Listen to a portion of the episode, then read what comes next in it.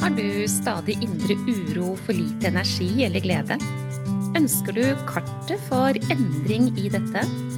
Hver episode er dedikert til å gi deg gullnøkler for livsglede og ro. Du får strategier og innspill som hjelper deg fra nedstemt til oppstemt og fra uro til ro. Vil du ha en gratis oppskrift for å lage deg gode dager? Gå til www.gayabalanse.no for din herlige morgenrutine.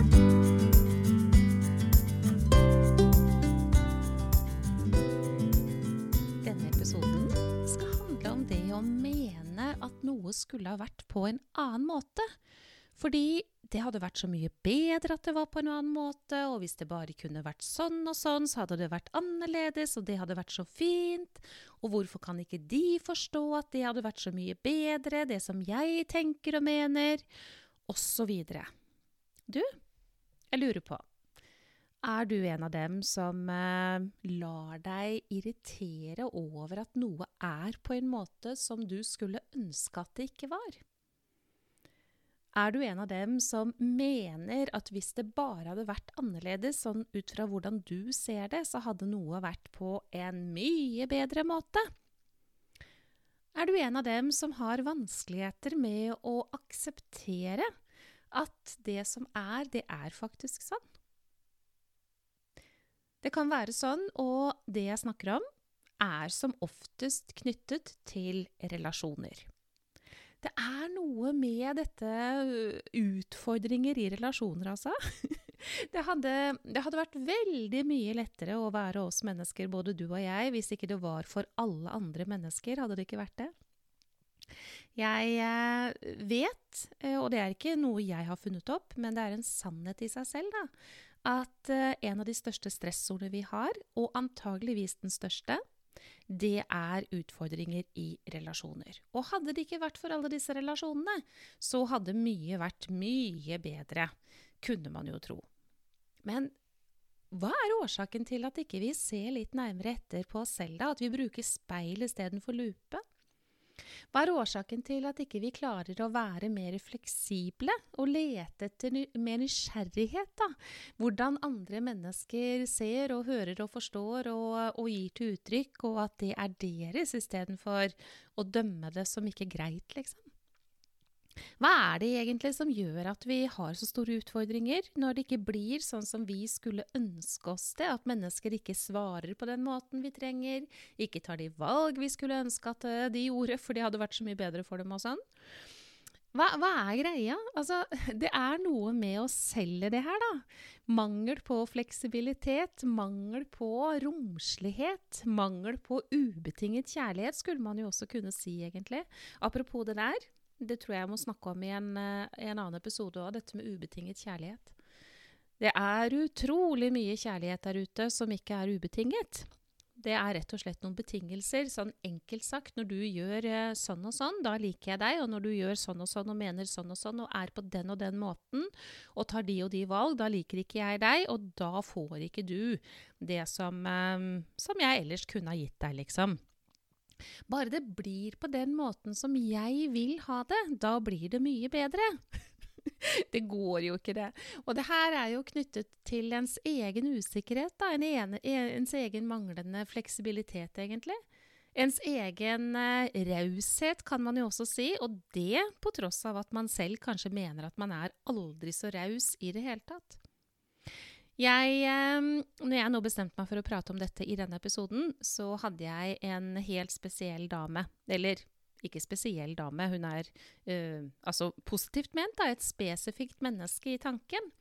Og dette er et, eh, et vakkert menneske, raus og god og varm på alle mulige måter har eh, gode relasjoner osv., men oppdager i godt voksen alder at relasjonen med sin mamma, den er utfordrende, og den har vært det egentlig bestandig.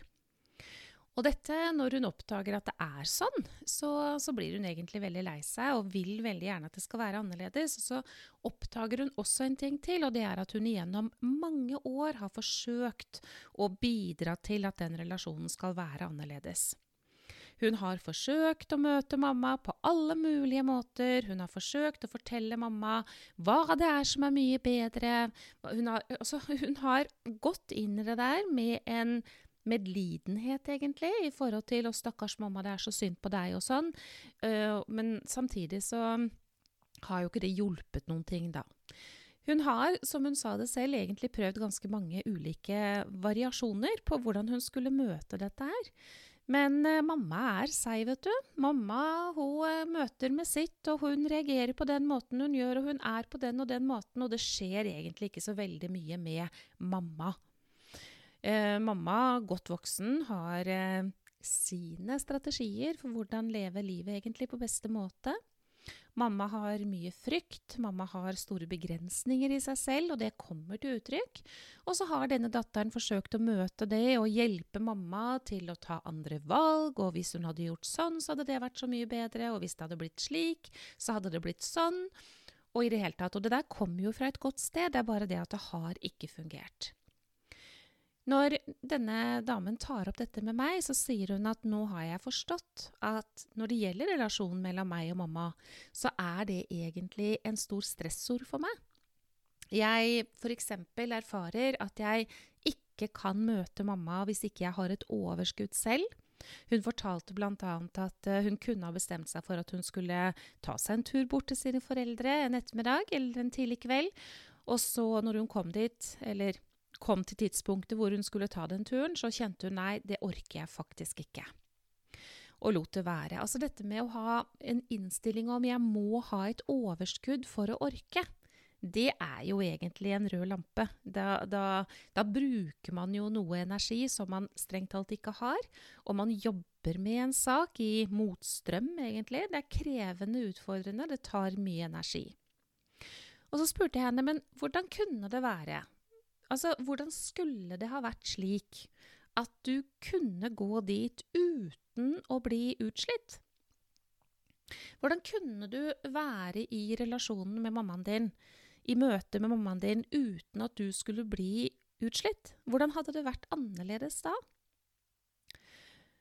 Og denne damen tenkte seg om, og så sa hun jo, men det jeg blir sliten av, det er jo å forstå mamma og bidra til at hun skal få det bedre, og, og hjelpe mamma og, og, anerkjenne mamma, men samtidig forsøke å, å, bidra til at hun skal se noe på en annen måte, da. Det blir jeg jo veldig sliten av. Så sa jeg, men, men uh, grunnen til at du blir sliten av det, hva var årsaken til det? Nei, det er jo fordi det hjelper ikke, sier hun. Nei, hvor mange år har du prøvd på det? Uh, ganske mange år, var jo svaret på det. Ja, men, men men bare lek med tanken, sa jeg til henne. Lek med tanken om at du skulle kunne gå dit uten å bli sliten, hvordan hadde det vært annerledes da? Hva hadde du sagt annerledes, hva hadde du gjort annerledes? Og så ble det stille, og så sa hun, ja, men da må jeg jo slutte, da. Da må jeg jo slutte å si hva jeg mener. Da må jeg jo slutte å skulle ønske at mamma gjorde noe på en annen måte og tenkte annerledes.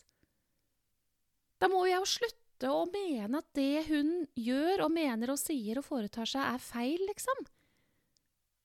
Og da husker jeg jeg sa gratulerer, for det er der det ligger.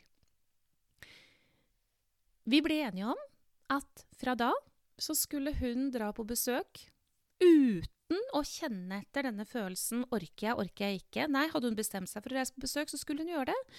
Men hun skulle ta med seg eh, et um, ja, hva, hva, heter det for noen ting? Et fantasisurfebrett. altså bare en tanke om at hun har med seg et surfebrett. Og at hun bare skal eh, surfe på bølgen under det besøket. La mamma på 79 år være mamma. Og ikke ikke mene eller synse eller bidra til at det skal være på en annen måte. Bare møte det med det gode. Surfe på bølgen. Gi mamma det hun trenger. Anerkjennelse, støtte. Og kanskje gjøre et grep til. Snakke om vind og vær. Rett og slett bidra til letthet og humor. Og vind og vær og ingenting mer enn det. Og denne vakre damen hun eh, bestemte seg for at dette skulle hun jammen meg teste ut. Så hun eh, dro jo da til sine foreldre med surfebrettet. Og snakket om vind og vær og slo an en spøk og i det hele tatt. Og så fortalte hun jeg hadde det så mye bedre, det var en letthet i meg når jeg gikk derifra. Nå har jeg forstått noe som er veldig, veldig viktig. Og ja, kjære lytter, det er det. Fordi mengde stress, og dertil da nedbrytelse av alt av et menneske består av, ja, det avgjøres jo også her. Så hvis man ikke har tenkt til å få ulike symptomer, eller bidra til at de skal opprettholdes, så må man jo faktisk gjøre noe på en annen måte. Og da kan det være veldig lurt å se noe på en annen måte. Og det er utfordrende når man skal sitte og gjøre det alene. Det trenger man som oftest litt hjelp til. Jeg håper at du har fått med deg at jeg har laget en gratis gave til deg som du får på gayabalanse.no, nettsiden. Den er, eh, når jeg snakker med deg akkurat nå, under oppbygging.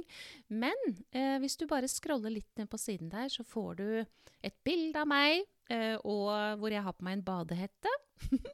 Klikk her, står det på det bildet, og så får du muligheten til å få din herlige morgenrutine hjem til deg i e-postkassa di. Og det er et godt sted å starte hvis du har lyst til å ha det best mulig livet ditt, egentlig. Og det håper jeg du har lyst til. Det fortjener du.